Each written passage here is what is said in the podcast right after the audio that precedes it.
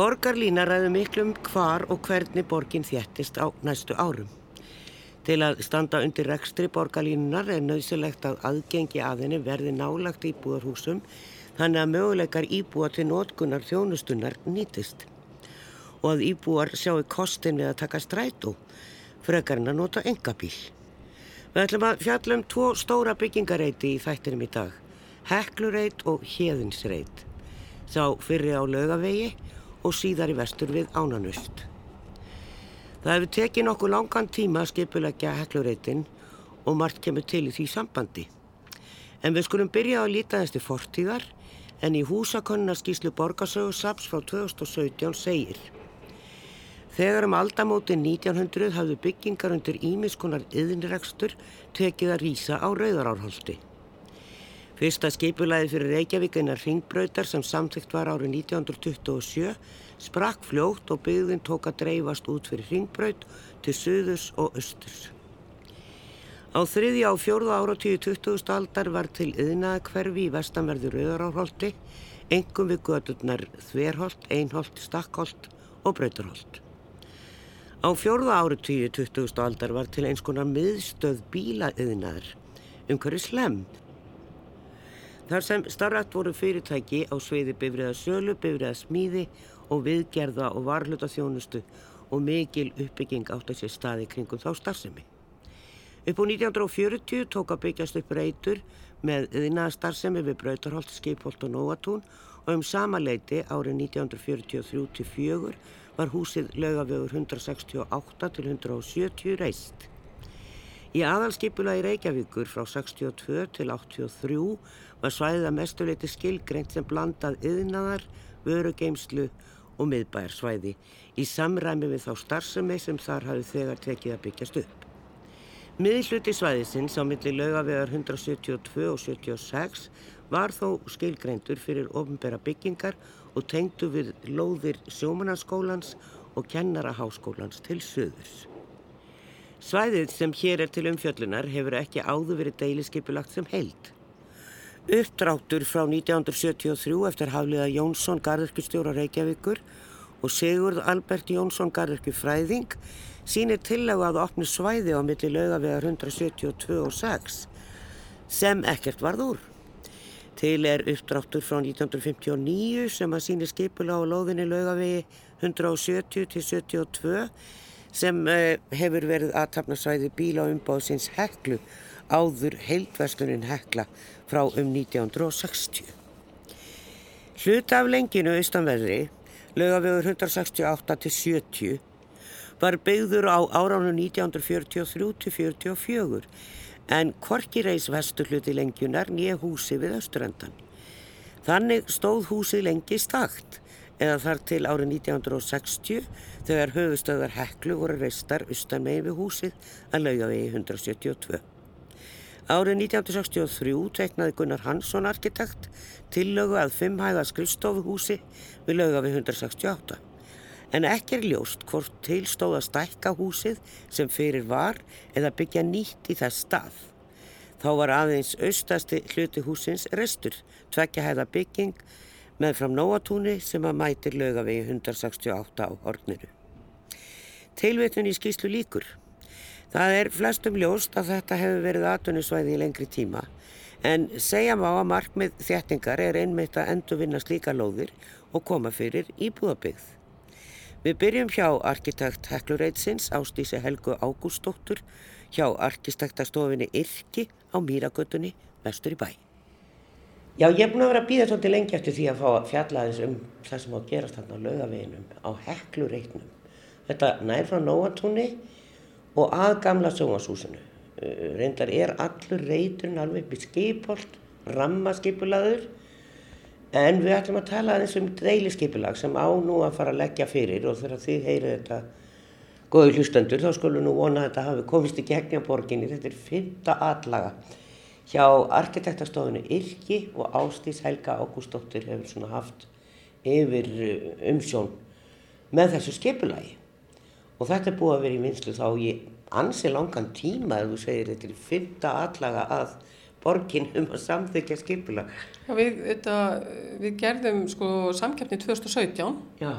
og unnum hana og þarna, þetta er síðan farið að gera rammarskipulag og það tók þetta sinn tíma. Þannig að þetta er búið að vera í gangi síðan 2017 og ég hafi ekki alveg tímasetningu hvernig við fórum í deilskipulegið en þetta er svona tímarammin.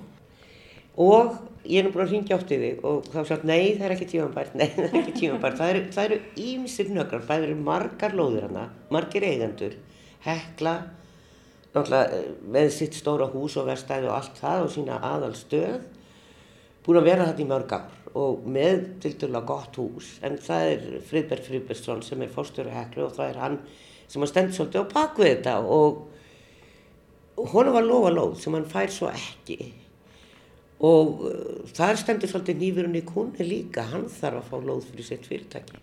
Já, hann auðvitað sko þarf að víkja ef þessi uppbygging á þessi stað Já. og hann, hann tekur það mikið plás í dag að það komast ekki fyrir maður hluta á þessum byggingum sem er gertir áfyrir að séu þarna og þetta eru, þetta eru fimm íbúðblokkir sem er að fara á þetta svæði alveg upp á lögu 176 sem er gamla sjónashúsið og hann auðvitað þarf ekki að fara einhvert með sitt fyrirtæki og það, það er ekki eitthvað sem er á reynu í dag. En þannig að það er ekki hann sem að sko vil fara að færa sig, það er það borgin sem leggur til að þarna ég að þjætta og þess vegna gera nýtt rafmaskipulag. Já, þetta er þetta alveg frábær staðsending fyrir sko, þettingu byggðar. Þann, þetta er þetta alveg frábært hverfi fyrir svona uppbyggingu og hana, þetta er þetta líkil uppbyggingarstaður fyrir hana, nýju borgarlínuna. Þannig að hana, það, þetta er eiginlega borgin sem þetta leggur mikið upp því að þetta verði til þess að geta rekið þess að borgarlínu. Það þartu svona hverfi nálat þeim stöð, helstu stöðunum sem er að fara að koma inn í Reykjavík. Já, já. Við sjáum alveg að byggðin er að þjættast heilmikið bæði á hverfiskötu og nýra á, náttúrulega bara nýra á Bryggju, nýra í bæ. Og svo hérna út frá, við erum startar hérna út á Mýragötu og hér bara á næstu lóð verður byggt alveg heiljarinnar byggð. Mm. En samt er borgarlína valla komin ynga út eftir. Það er ekki fyrir nýjum sérna áfanga miskilst. Jú, það, það er rétt sko, þannig að þarna, en þetta er þetta til þess að draga úr notkunnin á bíl, bílónum, að ja. það fólk sé nærri svona hvort öðru og skapa þá líka svona þannig umhverfi að fólk getur hugsað að búa líka í Reykjavík. Og hérna, en þá þarf líka að tryggja það að þessi þjónusta nálagt þessu nýjum kjörnum sem er að rýsa og það er eins og þessu heklureita verkefni, þá er gert ráð fyrir því að þessi þjónusta á neðstahæðinni, þannig að þú kemur heim með borgarlínunni þá kemur það í torki sem tekur vel á mótið þér og síðan getur þú fara að kaupa þér kannski kvöldmatinn og svo bara ferði í íbúinniðina. Þannig að þetta er svona konseptið við borgarlínuna. Eh, það sé maturubúðir og það eru svo svona maturubúðir þarna rétt hjá, það er ekki það, skipholti er stór bónusbúð og eins og nýjasta. Eh, þetta eru 1, 2, 3, 4, 5 svona flekar byggt í ferhending Já, til þess að, til þess að búa til svona innigarða, þá er þeir látni vera svona eins og, eins og svona ólaga byggingar. Hallin hérna er, er ágjörlega mikil, það er held að muni 13 metrum frá skipholti niður á laugaveg. Og þetta snýr í sjálfsvegar sko í, í bakið í sólu, þannig að það þarf einhvern veginn hæðstu hlutin á byggingunum verði við laugavegin og svo stöllum við byggingarna niður til þess að tryggja næla mikla dagspyrtu og sólaljós inn í gardana og inn í íbúðunar yeah. og við ætlum að nýta húsþökinn mjög vel og vera með líka sameiglega útvistasvæði á þökunum fyrir fólkið. Það er bæði svalir en svo verður líka sameiglega rými til að tryggja það að fólk hafi nægilega mikið af rýmum sem er þá sól á. Það er náttúrulega þetta hotn sem að margir þekkja hotni á Nóatún og Lögavegi Þar eh, er svona kassahús sem leit nú allt í lagi út fyrir einhverjum árum síðan en það hefur ekki verið hreift við í fleiri, fleiri ára og það hanga þarna gardínur og samt eru nú einhver fyrirtæki að en þá ekki tímið það verið að, að listamenn eru kannski að leia þarna fyrir lítið pening eða, eða eitthvað slíkt. En þetta er náttúrulega, hefur fengið að drabbast niður hodna og fyrir ofart húskaffi gamla þannig að byrjaði að laga þar og, og einhverja framkvæmdi byrjaði þar. En þetta er náttúrulega sko óforsvaranlegt í rauninni í borginni að fús fái að, að drabbast heilega svona niður af því að það er einhver áætlun innan tíu ára eða eitthvað sem að, eitthvað á að gerast. Já, hins vegar sko byggingin sem er hérna á hotninu og lögavegin óvötunni, þetta er svona svolítið langt aftur í tíma sem þetta hús hefur kannski fengið að svona, ekki, ekki, það verður aldrei klárað að standa þetta ennþá upp úr þakkinu þarna jástikki. Þannig að það er kannski aðeins lengra aftur í tíman með það. En það sem er ákveðið með að það er áverið svolítið svona hotnhús og það má fara alveg upp í áttahæðir við lögaveginn. Það er eina húsið sem má fara upp í áttahæðir. Hinn húsin eru með maks sjöhæðir og það er valfrjálst með þessa byggingu sem er á hotnunu, hvort það verði sko íbóbygging eða hótelbygging. Þannig að það er svona valfrjálst fyrir þann aðalega sem kemur að þessum frænkvöndum að gera hvort heldur. En það er ekkert komið en hver allar að framkvæma þarna? Nei, en sko Friðbert Friðbertsson sem er fórstjóri Heklu, hann hefur um þetta alltaf að segja í dag. En ég hef ekki heyrt hver allar hann að framkvæma, hvort hann allar að gera það sjálfur eða hvort hann allar sér láta einhver aðra að gera það og selja þetta. Ég hef bara ekki upplýsingar um það. Já, en hvað var svona vandamála því þú segir þér að fara með þetta í fymta sinn gegnum borgina? Hvað er það sem að hefur, eh, sem sagt, þið fáðu þetta alltaf aftur tilbaka, þurfa að gera eitthvað meira? Hefur þetta breyst mjög mikið á leiðinni?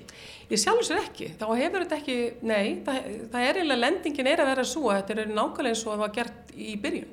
Eina sem hefur kannski verið gert, það hefur orðið aukning af íbúðum, það er konið upp í 463 ár, það voru 400 pluss, hérna, það er svona hámarki sem á að vera núna í dag, 463 ár uh, og kannski aðeins meira af smarri íbúðum sem verist vera svona góðu markaði fyrir sérstaklega í þessum þéttingarsvæðum. Og það er bara gott, mjög gott. Það er mikið af svona fólki sem vil búa þannig.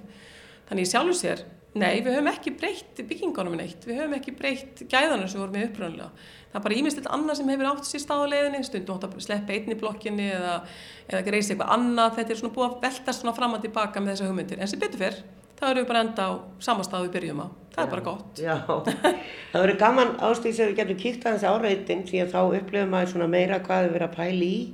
Maður upplifir Halland til dæmis, það er eins og ég segi það er brekka þarna, er það til vandræða, ég meina, eða er það bara betra kannski þegar þú ert að byggja svona svolítið í norður átt?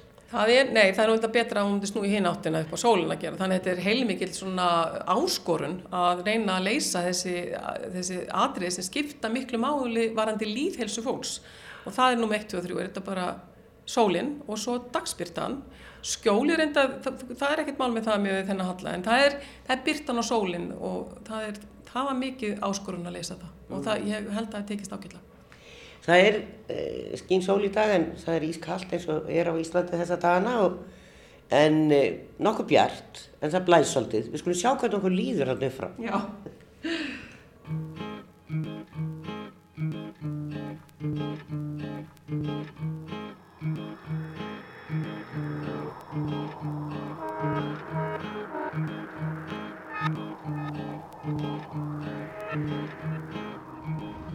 Já þá erum við konar hérna á laugavegin, stöndum hér á hotun á Nóatúni og laugavegi e, í austamegin við. Hér er náttúrulega slatta fyrirtækjum, hér er eitthvað sem heitir Hárbær og smurbröðstofa þarna, sé ég, Varmi HF, ég veit ekki hvað það er. Og svo eru greinilega einhverja vinnustofur í þessu agalega húsi hérna á hotnunu. En það er sjálfsagt ágætt inni en þetta er alveg orðið hræðilegt að undan. Og þetta eru svona bönnsins tíma þessar byggingar hérna og þetta gráa hérna sem að er svona lengja bara tveimur hæðum. Já þetta, hvað ætlaði að verið í þessu húsi hér? Upprunlega bílastæði eða bílaverstæði eða eitthvað? Já hugmyndi var auðvitað á þessum reyti svona upprunlega. Þetta væri sko atvinnustarðsemi og þjónustæði sem fylgir því og mikið af því voru sem snýrast að bílunum, bílaverstaði og þess aftar sem þetta var framtíðin hérna áður fyrr. Þannig að Já. nú er bara að vera virkileg breyting á þessu reit Já. til þess sem við viljum gera í dag. Nákvæmlega. Og svo er það svona typist í, Reykjavík. Það eru lóðir og menna eiga sikkur á lóðina. Og maður er gangandi, það er bara einhvern veginn aldrei gert ráð fyrir að fólk sé gangandi hérna. Þá kemur svona múr. Ég meina til hvers er þessi múr, hann er svona hvað? Hálfu metri En svolítið sko erfitt fyrir fullotna kona að fara að klangast yfir í telnungum ef hún er á háum hælum og ætlar að smurpuðstofuna. Það hefði bara verið að tryggja sína eigin lóð, tryggja hvað þú átt. Já. Þetta, þetta var mjög ríkt hérna áður fyrir en núna á þetta að renna miklu meira saman. Þetta á eins og þessar íbablokkar sem koma núna, það er ekki talað með þetta einni, muni eigaðar allar heldur, mögulega er þetta bara verið þetta nokkrir aðalega sem koma aðeins og þá er samt þetta flæði á milli þessar íbablokkar sem verða hérna. Flæðið milli allar garðana og það er tryggt, algjörlega örugt fyrir gangandi og hjólandi. Þetta er alltaf bara allstæðir hérna upp í múlunum og annað þá eru þessar lóðir meira og minna afgiftar. Ég gekk ármúlan um daginn og maður er stöðut að beigja inn og beigja út og beigja inn og beigja út af því að það er bara, það eru gangstjættar við húsinn en það er enda alltaf út af einhverju keislu og svona múrum og maður þurft að beigja aftur út, nánast út á götu og aftur inn. Þannig að þetta er svolítið skrítið að, að svona, já, að merkja sér svona, þetta er eins og bara hundur að pissa. Já, sko málið, þetta var svona, þetta hefur alltaf verið svolítið bílaborg. Við hefum svolítið hort kannski til skipilarsins frá bandarækjónum. Svona upprunnilega var alltaf að hugsa að bara stækka Reykjavík og þá eru þetta bara þurftu bílarinn að komast fyrir, ekki gangandi vegfærendur. En nú sem betur fer og það sem fólki kannski er spennt fyrir í dag og sérlega ung fólk, nú verður hugsað meira um gangandi og hjólandi og minna um bílinn og þá flæðir þetta miklu betur, þá verður þetta miklu mannskilega borgarland. Já, við skulum alltaf að setja áfram, við skulum sjá hvort þessi múr nái alveg upp að húsinu. Nei. Nei, við komumst hérna, það er gangstett. Að gamla konan á háfu hælunum á leiði smurbröðstofan að kæmist hér. En e, þetta er náttúrulega fyrirtæki sem að, sem að hverfa. Með, með tíu og tíma, þetta verður, þau verður rifin þessi hús. Jú, þessi hús verður rifin hérna, öll sem öll, það er... Það er svona hugmyndin á bakvið þetta, þessu uppbyggingu hér. Já. En þess að verður gert ráð fyrir þjónustu á neðstu hæðum. Það er alveg skilist, sérstaklega sem snýra laugaveginum. Það er optional, það snýra uh, brautróltinu, en það sem snýra laugaveginum þá þarf neðsta hæðin að vera fyrir einhvers konar þjónustu, þá vestlun og þess aftar, veitingastæði og svona þess að fólki getur farið að njóta. Þannig að smöðbröðstofa Silvíu gæti komið aftur að það. Aldeilis, aldeilis. Já, við skulum fara hérna aðeins nýðir á stæði því að við erum komin að hekluhúsinu. Og uh, þetta er náttúrulega gríðarlega bygging. Og byrju er það ekki tvær hérna líka næsta hús er það ekki líka? Þetta er Galaxy Hostel já, já hérna, hérna þetta er þetta hekluhús já og, og hér er eitthvað Mitsubishi Motors. Já þetta er hérna eitthvað annað. Já. En þetta er, já. Þetta var alltaf að fara þetta var alltaf fara nákvæmlega en sko manni finnst uh, maður svona í nútímanum þá er nú menna að hugsa um nýtingu og endurnýtingu og það er ákveðin sóun að rýfa hús til þess að koma öðru húsi fyrir sem að í báðum tilfellum eru kannski steinstæft. Það er ekki mjög vistmönd. Nei, það er alveg rétt, en hérna, eins og hekluhúsi, það er þetta ágjöðu standið þetta hús og ekkert, held ég ekkert, altså ég veit að sé neitt að því, sko. Nei. En suma þessu húsum eru nú komin til ára sinna, þannig að það er svona spurning hvort að við heldur þetta ekki dýrara heldur en að, að rýfa það. En, hérna, en þetta er bara breytinga á borginni, þá fara að fjetta byggð og þá þetta þarf eitthvað að viki í staðin til að Já. tryggja það að þetta sangöngukerfi sem er að koma beri sig. Skulum horfa hérna aðeins upp eftir. Nú sko sjáum við hér að það er þetta hús sem hérna fyrir ofan. Við erum komið svona hérna á lóð sem er eh, vestamegin við hekluhúsið og milli hérna Mitsubishi. Þarna er Láres bygging sem er upp í Brautarholti. Þetta er þetta hverfur. Þetta er, já, þetta er hverfur, þetta er endar er bygging sem er í, hérna, það er með þetta í hverfisvend á sér, hluta þessari byggingu. Já. En hérna, og tekið svona, e, barsins tíma sem stýrað svona bíla, e, þú veist, e, byggingastíl og þetta er svona, en það mun líka vikja, sko. Það mun gera það. Já. En það sem sér líka hér er þetta rosalega mikla steipa og malbygg og stjættar Já. og þetta er ekki mjög praktist í dag vatnið sko þegar rignir mikið og, eða leysir mikið snjó þá hefur kerfið ekki undan þannig að í byggðinni hérna fyrir neðan í litlu sætu byggingunum hérna fyrir neðan þá flæðist stundum upp úr upp úr hérna ræsanum þar Í túnanum þá, í Já. smá húsa, húsa Já, byggðinu já. þar. þannig að það sem er núna að gerast við þetta líka er að tryggja það að flæði vass í rigningu og aflýsið þegar snjórun er að leysa að það fari hægar inn í kerfið það er þetta svona það er svona stefnan, þá mun draga úr svona vandamálinn sem er hérna í hverfinu fyrir nýðan. Við Tölum um ofanvarslausnir. Já, það er það sem á að tryggja. Já, það, já, þú veist, vera já. með nægilega mikið af því í gö- görðunum og jættil á þökunum líka, þannig að allt flæði á vatninu verði miklu hægara og jættil að nýta það í, þú veist, í til að vöka grassið og þess aftar. Já, já. En þú sagðir frá því líka þegar þú voru nýra á stofi hjá þér að það eruðu göngulegðir hér á milli Já, húsa og þessara eh, blokka sem að verða eh, til dæmis hér eða erum við á einhverjum slíkum stað hér núna? Það er eiginlega milli allra blokkana kemur svona gönguleið. Það er þess að tveir svona mjög sterkir ásar, sérstaklega eitt sem kemur frá torginu sem er í framann laugasvið 106 sem Já. er torgi sem er beint við framann stoppustöðuna fyrir borgarlínuna. Það er ás sem tengi við hérna upp á holtið og, hérna, en, og svo er gert ráð fyrir, fyrir, hérna, frá, fyrir ofan þessa byggð. Það verður svona fallegur göngu ás sem tengir alla byggðina Já. frá Brauturholti og alveg til enda að Bólholti. Já, sagt frá Nóatúninu og alveg, Já, já, einmitt, hárrétt. ofan við byggðina. Já. Ég skil og, og það er þá í raunin á milli því að það verður alveg byggt upp í brautarhald. Það er, er slatt af húsum sem að hverfa þar líka. Já, það, Brautarholtið er bara gett ráð fyrir það. Það, það er alltaf hús hérna Já, við Brautarholtið og frá Nóatúni, það, þau, fara til að koma svo fyrir. já, Þannig að það myndar svona breyður göngustígur sem, sem gengur í gegnum hverfið alveg upp af Bólholti. Svo lifandi ás. já, akkurat. Þetta er, en nú er Hekla hér og hann fekk ekki lóðina sem hann átti von á, fórstöri Heklu og þannig að þetta, og svona með við hvað þetta hefur nú tekið langan tíma í skipulagningu, þetta er ekkert alveg á leiðinni. Nei, þetta mun alveg pottið taka sinn tíma. Það, Já, En það gæti fara að stað hérna við Nóatúni, fyrstu blokkinnar. Það er alveg mögulega það mun við bara keira, keira sér stað strax. já, og við, það er kannski sá staður við göttuna sem að, Líkur best á. já, nákvæmlega, nákvæmlega.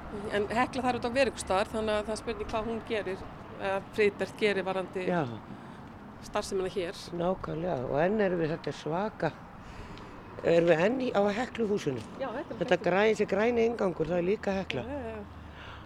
Góta og, já, jú, jú. Þannig að þetta er gríða stór bygging Og svo kemur bílastæði hérna við endan. og þá erum við, hvað, hvað erum við komið langt á? Er, er þetta síðasta húsið eða er líka næsta hús sem Nei, nei, það, lögum við 176, það verður, það verður ekki rifið, það verður byggt bara við það og nýtt fyrir hérna hótel. Þannig að það er þessi, þessi, það, það þarf að passa upp á þetta útlitt, haldið sér. Þetta er svona heilstað gödumynd hérna frá lögum 176 og upp að bólholti og upp á skipholti. Þetta er svona, það þarf að tryggja það að þetta haldi sig áfram svolítið í þessari mynd sem það er í. Að þetta er svona talin vera svona ágætlega heilstætt útlitt. Hér er alltaf gríðastór bílastæði, Já, en það kemur bílakjallari undir allt hér. já, bílkallum allt.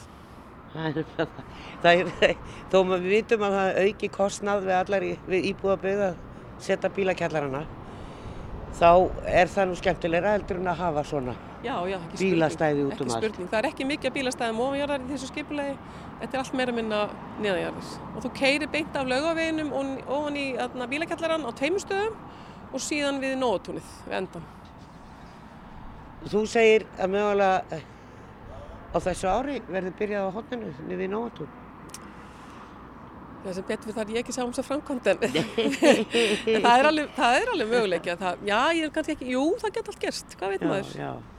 En, en segðu mér kannski svo í lokin, það er að því að við erum að fara, sko, eins og ég segi, það er ákveðið sóun í að rífa þetta hús, sama hvað maður segja um það, þá, þetta er heilt hús og þetta er risastórt, Já, já. þetta eru fleiri hundru fermetrar, Mm þúsund eitthvað. Og hver metur, sko, að því þú segir, það getur verið hagstæðir heldur en við, viðhald að rífa það og byggja nýtt. Það er alltaf viðhald, öll hús, líka nýja húsi sem kemur. Þannig að það, hérna, það, maður missir ekkert af því, en hérna, hver metur slíkt? Er það verkfræðistofur eða er það bara eigandi sem segir ég rífi þetta bara? Sko eigandinn auðvitað veit alveg hvað hann er að tala um, hann er búin að reikna þetta fram og tilbaka. Já, En uppbyggingi þarf að vera þannig að þetta standi undir kostnaðinum á öllu sem mann þarf að gera við að rífa húsin í burtu og byggja upp á nýtt. Þannig að þetta er ágætlega kostnaðsamt þegar þú ert að taka svona hús í burtu. En það er líka ansi kostnæðasamt þegar við horfum hér inn um gluggana og hér eru bara stóri salir sem að geima bíla. Það væri dýrt að innrætta þetta allt upp á nýtt sem einhverjar íbúðir hérna fyrir ofan og mögulega byggja hæð ofan og er það hægt? Ég hugsa að þetta dýrar að jafnvel að fara í það heldur en að rífa það sko á lokum. Já. Það er líka ekki gott að byggja ofan þetta hús, það er bara að byggja á hluta. Þetta er ekki hús sem ber uppbyggingu, það er út af bara björðhólinu. Það er bara aftar hlutin sem það noti í það. Já. Þannig að það segir sér líka sjálft að hér var ekkert að hafa miklu uppbyggingu út frá því. En þá er spurningum að hafa þetta bara aðeins minna er það ekki? Ég meina þetta er alltaf eigandi sem tekur ákvörðinu um þetta, ekki algjörlega. En, en þú veist, við þurfum kannski aðeins að hugsa það líka, ok, við erum með þetta stóra hús, það er dýrt að rýfa það og byggja, það er dýrt að gera það upp og breyta því íbúðir, þannig að þetta er svona vogaskálar sem eigandi þarf að sitja með. Já, já, já, svo líka er þetta bara líka vilji borgarina, þeir vilja þjætta byggð og þeir hafa áhuga að byggja mikið af smarri íbúðum líka til þess að, eins og ég hef sagt áður, það þarf að reka þessa borgarlínu og það tekst ekki nema að gera þetta svona. Þetta er ábyggilega mjög vinsalt svar fyrir þá sem er á móti borgarlínunni en eh, við skulum nú vona að hún komi og komi sem fyrst Já. þó að sé nú svolítið í það en eh, það verður svolítið öðru þessu umhórs hér Aldilis. innan, já, sem segja, fimm, fimm ára. Já, og þannig verður þetta bara mjög mannskilegt og fólk líði vel hérna. Ég held að það sé alveg að gera það. Sagði Ástís Helga Ágústóttur arkitekt hjá Yrki. Já, enn er ekki búið að samþykja þessa fymtu tillugu stofunar og býðu því nánari umfjöllunar um uppbyggingu á heklureit þetta síðar í sömar. En það er verið að þjætta á fleiri stöðum. Segja má að stefnan sé fyrst og fremst á reitum sem tengjast fyrsta áfanga borgarlínu. Ártúnshauði, orkureiturinn við Grensásveg og Suðlandsbraut, heklureitur, miðbærin, hlýðarendi við Valsvöllin og þjættingar í fullum gangi á Kásnesinu. Hvena brítnar tværs, annars vegar við Elleðavógin við Sæbraut og hins vegar yfir á Kásnesi við Háskólinni Reykjavík, Rísa er enn á huldu. En hönnun þeirra hlýtur að vera vel á vegkomin og verður það einni kannad á þessum vettongi innan tíðar. En svo verið að þjætta vestur í bæ. Fjallað hefur verið um steindósreitin hér í þættunum en nú ætlum við að líta eins á hérðinsreitin annar stór reytur með áallun um yfir 300 íbúðir. Framkvæmdur eru hafnar á hlutareitsins og beinum við augum okkar þangað í dag. Það er Hjalti Brynjarsson arkitekt hjá Arkþing Nordic sem er höfundur þessa hluta. En fyrst aðeins í söguna. Útræði var úr ánanustum og segir í húsakonnuna skísluborg á sögusap frá 2007 að útræði hafi verið frá seli áraðum kring og á 19. öll tók að rýsa í landi sælspíli tómtúsmanna en svo kvöldust þeir sem aðalatvinni höfða fiskveiðum á opnum bátum. Mesti uppgangstími reikvískra tómtúsmanna var á síðara hluta 19. aldar og árið 1870 tilheyrði um fjörðungur fullorðina kallmanna í Reykjavík tómtúsmanna stjettinni. Vinnumenn og piltar að tvítugu stunduð einnig sjóráðra og því má ætlað alltaf helmingur vinnufæra karlmanna hafi haft aðal framfæri sitt af sjómennsku á þessum tíma. Tómtúsmennitir í Reykjavík byggðu sér torrbæi og steinbæi í útkverfum bæjarins. Þau tómtúsbíli sem að byggðust upp í landi Sels dróðu mörg nöfn af heimajörðinni og breyttist nafn Sels þá í Stóra Sel. Selsbæjarni voru síðast haldir fimm og voru auk Stóra Sels, Miðsel, Littlasel, Jórnasel og Ívarsel. Síðasta bæjarhús Stórasels, steinbæir sem reistu voru 1884, stendur enn á loðinni Hallskötu 41b. Og nýjum gert. Ný húsakonun var gerð árið 2018 eftir að ákveði var að deiliskeipjulegja reytin að nýju.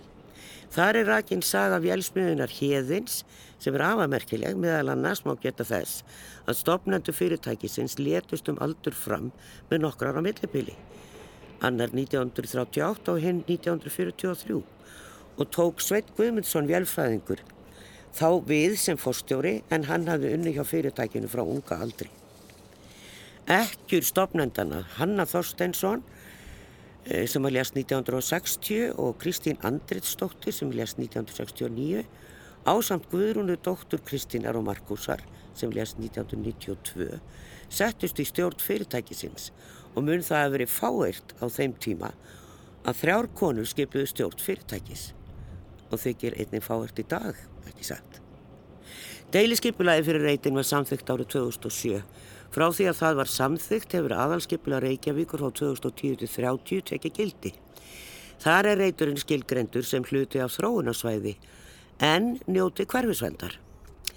Markmið og ákvæði með hverfisvend á svæðun eru meðal annars þessi að þróun byggðar innan svæðisins verði gætt ítrustu varðar og megin markmiðum borgarvendarstefnu fyllt í kvíverna. Skipulag og uppbygging taki mið af mælikvarða og hlutvalli húsa á aðlegjandi reytum og virði stefnu um hæðir húsa.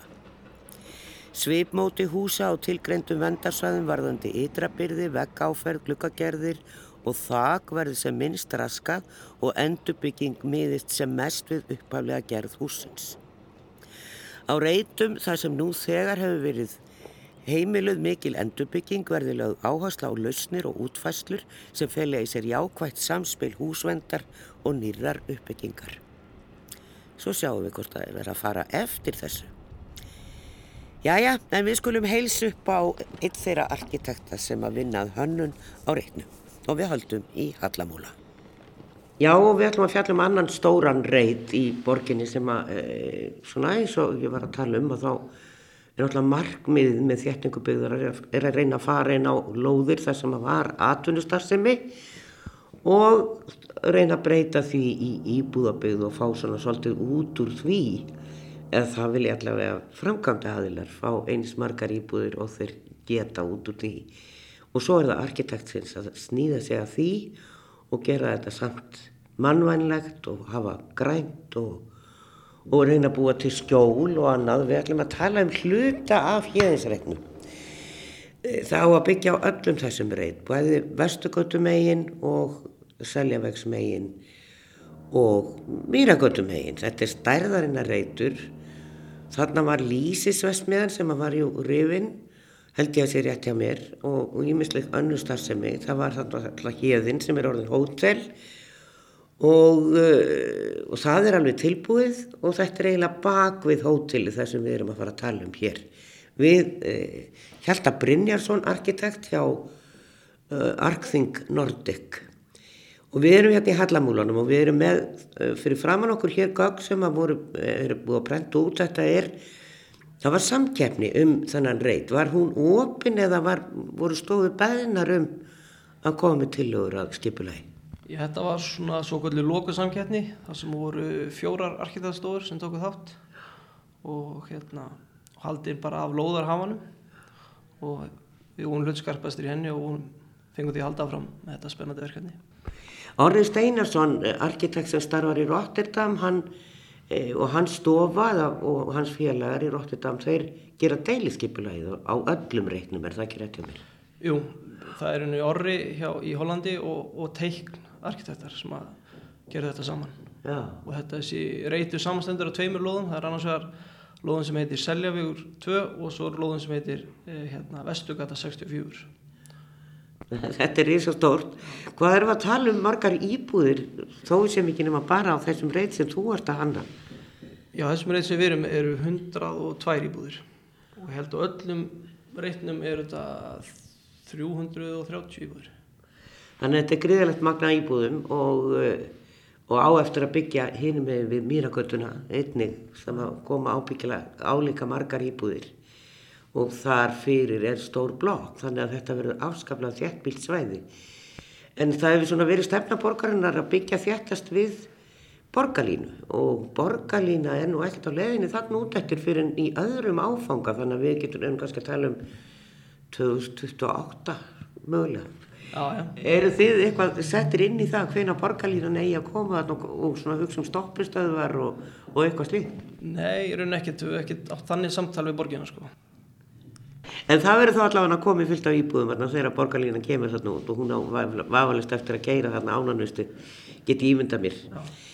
En, eh, og svona út á ringbröð og þáleið. En þú far þetta verkefni að, að, að hanna þetta og hvað erum að tala um? Við erum að tala um hvað 57 hæðir segiru, hvers konar íbúðir? Já, þetta er svona mestmægnis uh, minni íbúður, ég held að meðalstæðin sé rétt undir 70 fermetrum en þetta er bara mjög fjölbreytar íbúður, allt frá 40 fermetra stúdíuíbúðum og alveg upp í 140-50 fermetra svona luxusíbúðu efstu hæð, þannig að þetta er svona allur skalin bara. Þessi hús eru, eins og segir, 57 hæðir, uh, þau hafa svona kannski form sem að kannski aðeins er einir að vitna í gamla vesturbæn, þetta eru hús með mænistak og klætt, við fórum þá leðarinn að klæða þau með málumklæðningum sem vísar í vesturbæin með svona semenstræfiðplötum sem vísar kannski í, í, í svona steinstift pússuð og málið hús í Vesturbænum og vorum að vinna með svona báru játsklæningar og, og læstaklæningar og þetta er svona aðeins vitna í Vesturbæn þannig að það er svona að fara í, í þá áttina í staðin fyrir í, í hinn áttina á höfn sko, það sem við svona að vinna með Já Náttúrulega í Vesturbænum og víðar í hlýðunum og bara í öllum hverfum Reykjavíkur eru hús steinuð hér áður fyrir og nú eru menn fattir að endur steina þessi hús og ég líta bara orðið mjög vel út. Mm -hmm. Ég hef ekki séð held ég eina einustu byggingu sem, af þessu sem er verið að byggja í dag, af það sem er verið að nota það efni á hús í dag. Er þetta eitthvað sem að borga sig ekki eða er álklæðningin algjörlega búin að segra? Já, þetta hefur nú verið alveg gert síðust ár sko, þetta er kannski aðeins að hverfa sem að mennur svona farið meira í einangra hús á utan en ekki innan eins og gert hérna áður fyrr og þá svona Þetta er þessi möguleiki útaldið? Já, auðvitað ekki, það voru ekki að hægt að steina húsið. Nei, að einangrun er bakvið álið. Já, akkurat. akkurat. Talið ótyrjara, en þú veit með þarna stóra myndir, þið sem sagt vinnið þessa samkjafni, e, en það eru fleiri stofur að koma að hönnun á öllum reiknum, þið eru með þarna og svo er þau með líka á hinum reiknum sem er nú ekki alveg farið í gegnum skipulagið, e, hérna þessi sama stofa, og síðan eru þeir að hanna eitthvað eh, stofan í Rotterdam, Orri Steinars og hans félagar. Hér erum við náttúrulega bara með svona einhverja tillögur að þetta hefur þetta breyst mikið á leiðinni frá því þið senduð inn þessar tillögur. Við erum að horfa hér á hvað, eina, tvær, þrjár, fjórar og fimm indregin svo, svo lítið e, og þjónistur í mig á neðstu hæð. Já, þetta er þessi myndir sem við horfum á hérna, þetta er svona eiginlega endanleg útkoma. Þetta er endanleg útkoma? Já, hérna erum við að horfa á byggingarna frá Mýragötu og hérna sér þau glitta hérna í, í, í hótelið á, á Seljaveginu. Og þetta eru, hérna eru við með hodnýbúðir, eru þær í stærri kantinu? Já, þær eru aðeins svona stærri hodnum, það er kannski bara svona okkar nálgun í verkefninu líka var svona að búa til sem mest á hodnýbúðum Þannig við fórum alltaf þá leið að, að hérna, skipulegði svona gefa til kynna þegar ég að byggja svona, svona randbyggð. Hótel er svona, í, hefur þetta ellaga form og hugmyndi var hérna í skipuleginu að byggja svona annað ella móti þannig að byggingina myndi svona mynda svona yngarð.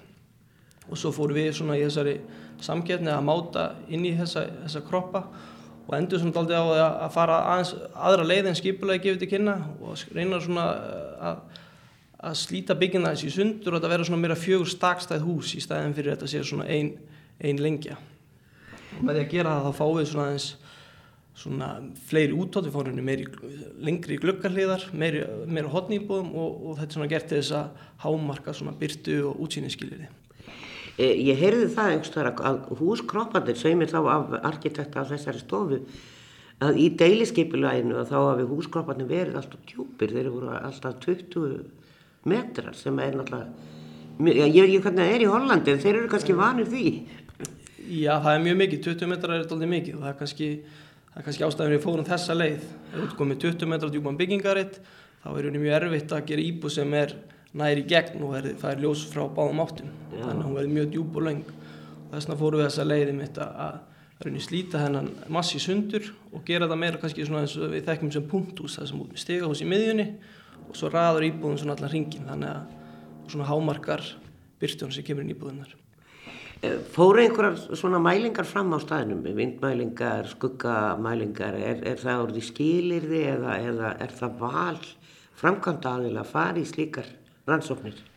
Það eru gerðan alltaf svona skuggavörp í, bara í deiliskypulasvinnu eins og við sjáum hérna bara í, í skipulæginu, þá er búið er búið að skoða það aðeins, byrstun á skuggan sem kemur honi, til dæmis hérna honi í yngarðin og svo bara í okkar vinninu þá náttúrulega erum við að reysa þetta upp í þrývít og þannig að við getum svo sem séð hvað áhrif það hefur þegar við, við hérna eins og við gerðum, skerum þetta í svona minni einingar, hvað áhrif það hefur. Það var líka gerð vindstúdía, við til dæmis skoðum það, hefur þetta áhrif að við séum að, að opna reytindaldið inn í þennan yngarð og það var bara mjög lítil áhrif sem það hafið þannig að við vonum bara nokkuð vissir í okkar sök að þetta væri leiðin. Já þessi gardar sem er, við horfum hérna núna á loftmynd sem er náttúrulega bara séð frá horni vestugötu til norðurs og sjáum svona kroppana hér og þetta er náttúrulega bara blokka hverfi og gardar inn í Eru þeir þannig að það eru göngulegðir á milli getur, er, er þetta, sem sagt, er almenningur, getur hann farið þannig gegn eða er þetta alveg prívat fyrir íbúa? Ég sko einn af svona aðal megin þáttunum í skiplunum var að þetta væri opið almenningi. Að er unni flæði fólks frá Vesturbænum og niður á Granda að það getur farið í gegnum reytin en ekki svona í kringum hann. Og þessi yngarða sem við erum að horfa hérna, þeir eru allir opnir almenningi og eru svona meira kannski almenningssvæðið að torg, hafa svona meira, meiri þá svona tilfinningu heldur en, en einhverju lokaði prívat eh, fjölbísúsagarðar. Sko. Já, nákvæmlega. Og það má taka það fram að það er spilda sem er framkvæmda aðli að þessum reynd og síðan er það festar sem eh, eru framkvæmda aðli að hinum reynum sem við ræðum um bara síðar á árunni þegar það er komið lengra. En við ætlum að skoða okkur aðeins um þarna út frá það er alltaf skýta veður eins og alla daga þess að dagana hérna í höfuborginni en eh, við hjálta ætlum að kíkja vestur í bæ og, og sjá hvernig okkur líður þannig og það er náttúrulega það er best alltaf að fara á reyndina því að núna er svona typíst reikvíst veður. Það er doldi grátt það er vindur og það rignir öðru kvoru þá finnum við hvernig okkur líður en það er náttúrulega ekki búið að byggja neitt en hótelið er komið. Akkurat.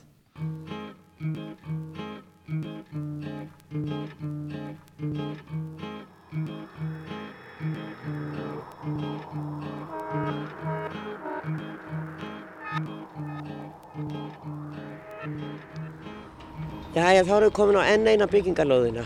Á heklureitnum er ekkert byrjað og það er nú sjálfsagt svolítið í það að það verði gert. En hér vestur í bæ, við Ánanaust og bak við nýja hóteli hér við Seljavegin sem að var jú uh, velsmíða hérins lengi vel og það er komin veitingastæður veiti inn á þetta hótel og það, hann heitir Hérinn, veitingastæðurinn, kom ekkert annað til greina.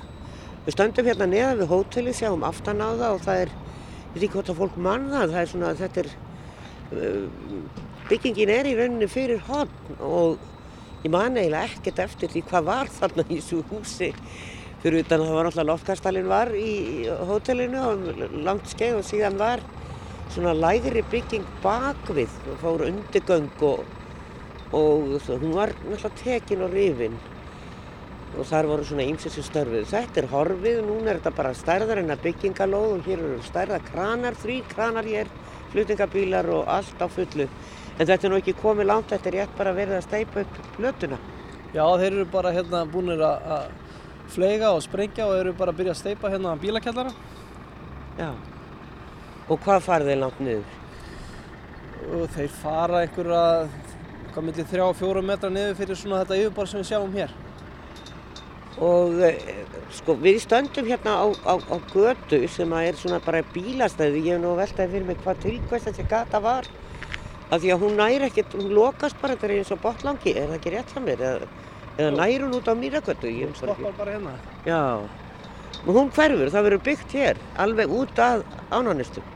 Já, þessi neðri reytur hérna, lóðun sem heitir Vestögata 64, hún verður hérna byggð hérna alveg út að, að þessum, þessum vegi hérna sem við þekkjum sem heitir Ánust. Þannig að þessi litli hérna vegur, hann munur henni hverfa. Og sko í deiliskypulæginu eru sett einhver skilirði um útlitt húsa. Þú sagðir okkur jú að, að það verði mænistök á byggingunum. Já. Var, kom það í deiliskypulægi eða er það ykkar ákvörðun? Það er rauninni í deiliskipunum, það er rauninni bara rauninni hvöðum að þessi hús hafi þetta form. Svo er rauninni bara rauninni hæðarkótar á, á, á mæni og, og vegghæðir húsa þannig að við svona bara mátum okkur inn í það. Sko nú virðist þessi lóð svona þegar maður er að horfa á hana og það, maður, hún, þetta plata mann alltaf svolítið þegar maður kemur á svæðið og svo bara hvað á að byggja hér, hvað voru þetta margar íbúðir í, í, í, í allt? 330 held ég að sé Já, lefilegt. já, já. Manni finnst eins og að kæmist, en alltaf ef maður tekur göttuna með þá kæmst þetta, þá stakkar hún ansi mikið Já, já. og e, það er sem sagt byrjað þarna þannig að það er allt komið á fullt en hérna megin er ekkert byrjað og er, er ég veit ekki hvenær það verður, það er eitthvað í það. Já, það, það er eitthvað í það. Það er bara, það er stendur þar núna, það er verið að koma þessum, þessum, þessum lóðhjarnar neðan í gegnum, gegnum uh, skipulag og svo bara hefast menn handa á að fá samþýgt hérna, byggingar áform í framhald af því. Já. Það verður göngustygur hér í, sagt, í, í norður-söður á milli húsana, ekki rétt hjá mér? Jú, það verður svona göngugata köllið á milli reyna þessar tveggja lóða sem líkur hérna þá frá Mýragötu og yfir á Vestugötu. Það er bara svona uh, almenningsleiða sem einn geta lappaði í gegn og, og svo er þjón, þjónunda líka þeim tilgangi að vera svona þjónustu leiði fyrir sorp og, og þjónustu fyrir atvinnusna og svo leiðis. Og eins og segir, það verða náttúrulega fyrirtæki hér á neðstu hæðum og hér kemur þá náttúrulega með, með 300 íbúðum að þá, þá kemur fjöldin allir á fólki fyrir utan þá sem þá, þegar búa hér í hverfinu. En e, þetta verður nú óskup smátt hér vestugatan, vestast og sæljavegurinn þegar þessar bygginga verða komnar.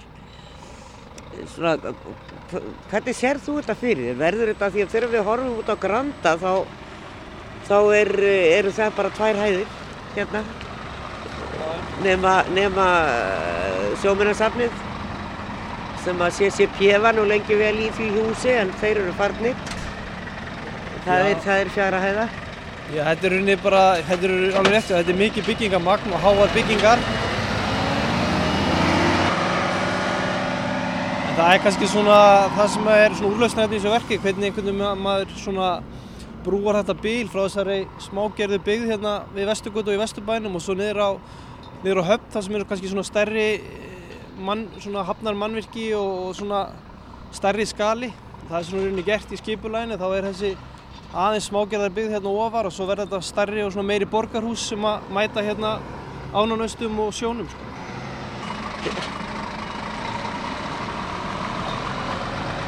Það er þurft að bakka, þetta er ekki smá trukkur sem er þarna átt að dekja bíl, það er svo lítið. Nú en útsýni hér úr blokkinni, þegar þessum blokkum þegar það koma hérna, þá er það, þó að sé nú ekki mikið að sjá hér í dag, það er þungbúið. Við sæjum esjuna ef það væri heiðskipt og gott veður og út á Snæfellsnes. Þannig að það má búast við að þær verði svolítið dýrar þessar íbúði sem að verða hérna á efstu hæðum. Já, ætli það ekki, getur íbútað með það? Já, já. Nú, 40 fermetra Stúdjáýbúðir eru þær þá á neðstu hæðum eða hvernig hugstu þetta? Nei, þær eru bara á öllum hæðum, svo eru nú kannski á tveimur efstu hæðunum fara íbúðuna kannski aðeins að vera stærri. Já. Og efstu hæðum þá er það komin á kannski þessar. Já.